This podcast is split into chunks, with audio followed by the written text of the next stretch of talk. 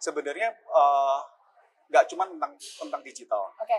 Kita punya visi besar agar kita bisa membantu eh, learners atau para para masyarakat gitu kan mempersiapkan mereka tentang ilmu yang baru depannya. Oh. Jadi kita kayak mungkin kayak school of life ya, Ya. yang mempersiapkan mereka tentang ilmu yang terupdate, ada hal yang baru di dunia, Hmm. yang mungkin pasti lebih ke relate ke teknologi. DS Podcast minggu ini bersama saya Yeni Yusra.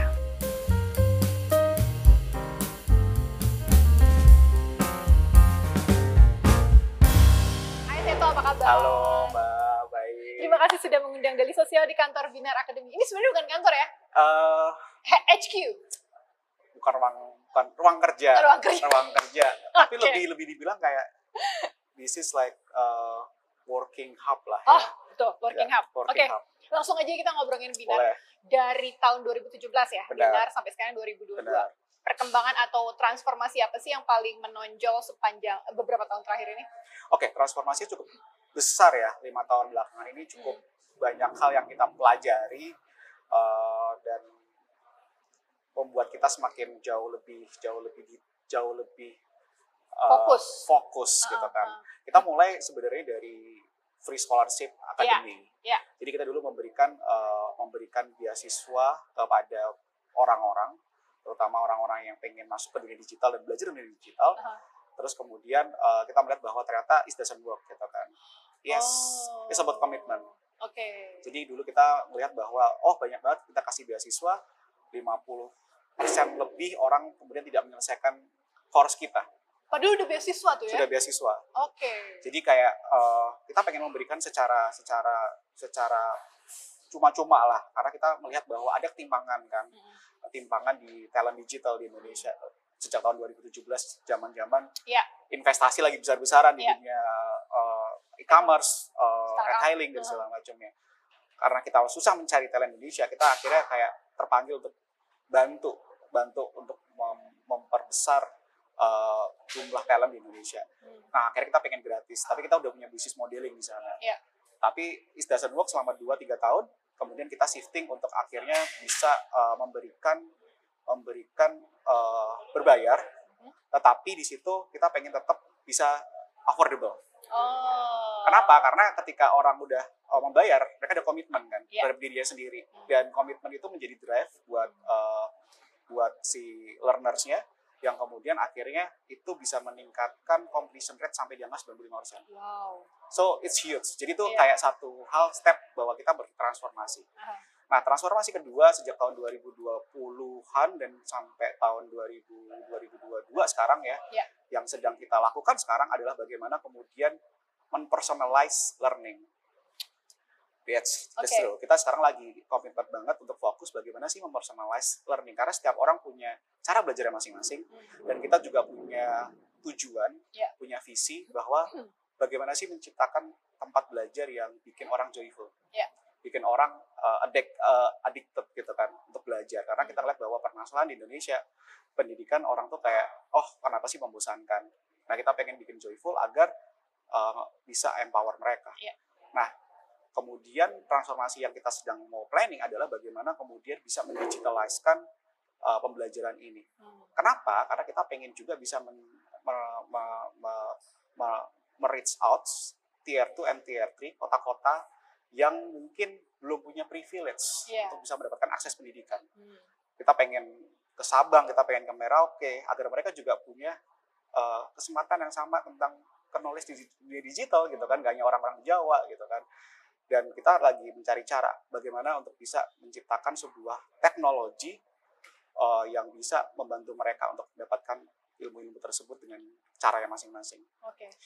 Kemudian dari sisi company-nya sendiri secara bisnis kita cukup uh, growth yang lumayan dalam waktu beberapa tahun bela- belakangan ini Hmm. dan untuk jumlah team members kita Hmm.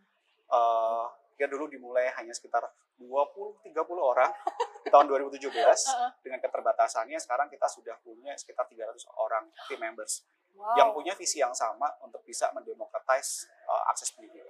Oke. Gitu. Tapi sebagai platform, meskipun berawal dari scholarship sampai akhirnya berbayar, tetap kan mengcater kebutuhan talenta digital yang saat ini masih Yes. menjadi persoalan ya? Iya. Sebenarnya eh, nggak cuma tentang tentang digital. Oke.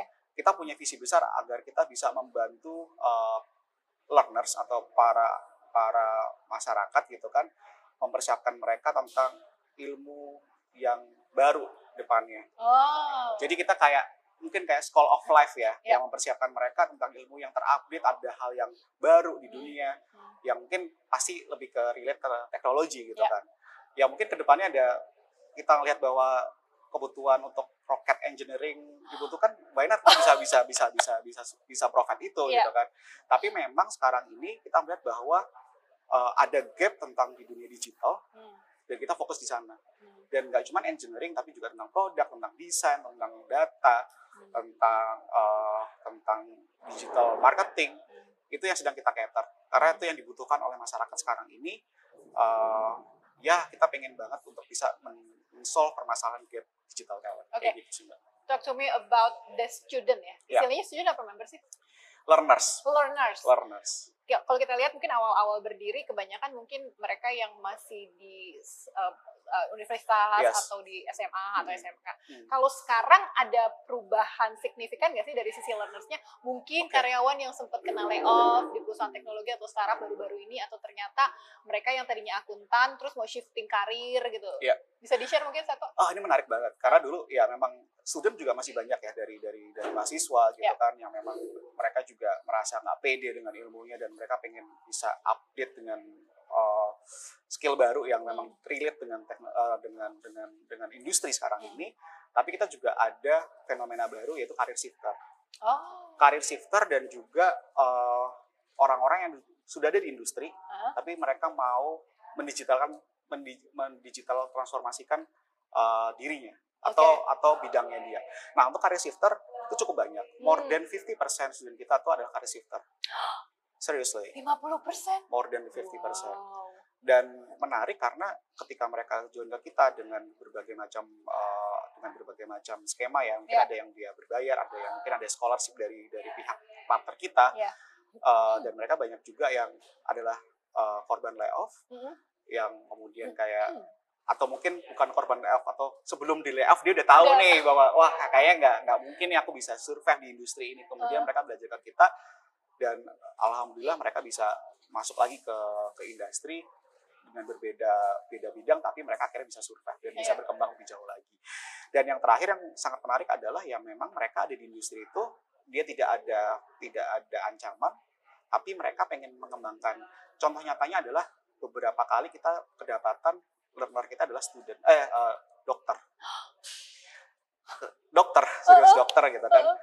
ketika kita coba tanya kenapa sih kamu pengen pengen gabung ke binar karena Hmm. mereka karena mereka tahu bahwa mereka sadar bahwa oh bagaimana sih bisa memberikan pelayanan yang jauh lebih optimal kepada pada customer apa pasien mereka Hmm. berarti harus ada automation dalam dalam dalam bidang kedokteran gitu kan di rumah sakit manajemen Hmm. rumah sakit kemudian servis servis desainnya untuk bisa membuat pasien itu juga lebih mudah dan segala macamnya Hmm. dan itu nggak cuma di nggak cuma dokter tapi juga ada yang seperti uh, bankers juga ya, jadi jadi mereka bukan karir shifter tapi memang Wow. pengen mengem- Profesional ya. mengembangkan iya Uh-uh. gitu J- Bukannya mau shifting tapi mau enhance malah enhance ya. Uh-uh. bahkan Wow. ada yang dari perusahaan tambang engineer tambang karena karena karena memang sekarang semuanya serba digital Iya. Iya.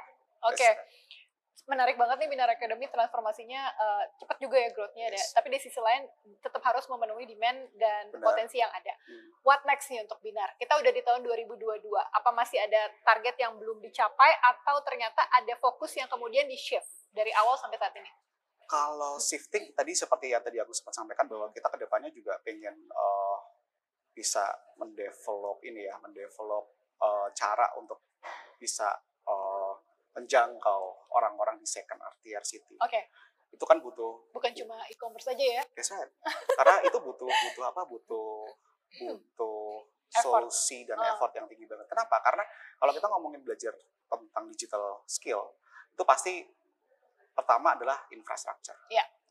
dari internet Hmm. eh, apakah mereka bisa mampu untuk beli internet gitu kan karena kan kalau misalnya kita kita kan emang memberikan online gitu kan tetapi ada biaya tambahan juga walaupun kita memberikan murah biaya internet kemudian laptop Hmm. nah ini juga yang menjadi challenge kita juga bagaimana kita bisa kayak belajar coding itu di handphone menarik. itu adalah adalah yang sekarang kita lagi mau cari cara nih Oke. mau eksperimen how to to to implement it Iya. gitu kan dan kemudian eh, banyak faktor lainnya tentang motivasi Mm. tentang eh, knowledge gap eh, logic gapnya juga ini yang mau kita cari tahu jadi kita mau bisa membantu mereka dan uniknya sekarang ini yang kita benar-benar lakukan adalah nge-localize konten ini penting banget karena ya teknologi itu kayak semuanya bahasa Inggris Iya. dan kadang-kadang bahasanya advance Iya. ini komitmen kita juga bagaimana kemudian membumikan Ya. eh, bahasa atau knowledge ini menjadi hal yang sangat mudah dan bisa dipahami. Even kayak tukang bakso bisa understand, paling nggak understand ya, atau Iya. mungkin orang uh, mamang burjo dia understand tentang UI UX gitu, Yes. mungkin tentang eh, tentang apa tentang prosesnya, Iya. paling nggak mereka mengerti karena menurut aku itu akan jadi sesuatu hal yang dibutuhkan gitu Iya. di masa depan. Ih seru. Gitu. Jadi memainstreamkan dunia right. yang selama ini kayaknya aduh susah gitu ya. Iya, jadi lebih kayak mendobrak eh, sebuah barrier Iya. Untuk mengakses pendidikan atau mengakses sebuah eh, ilmu yaitu adalah tentang dunia digital. Karena selama ini mikirnya, oh kalau orang belajar digital itu lulusan Berkeley, Iya. lulusan MIT, lulusan eh, Stanford misalnya. Tapi bagaimana mereka juga punya kesempatan yang sama kayak lulusan Stanford, MIT dengan belajar di Bina. Iya. Itu itu kayak visi kita sih. Aduh, semoga sukses dan kita kita dukung terus deh uh, Terima misinya kasih. dari Binar Academy. Thank you Seto atas waktunya ya dan kita tunggu update-update terbaru dari Binar Academy. Terima kasih. Oke.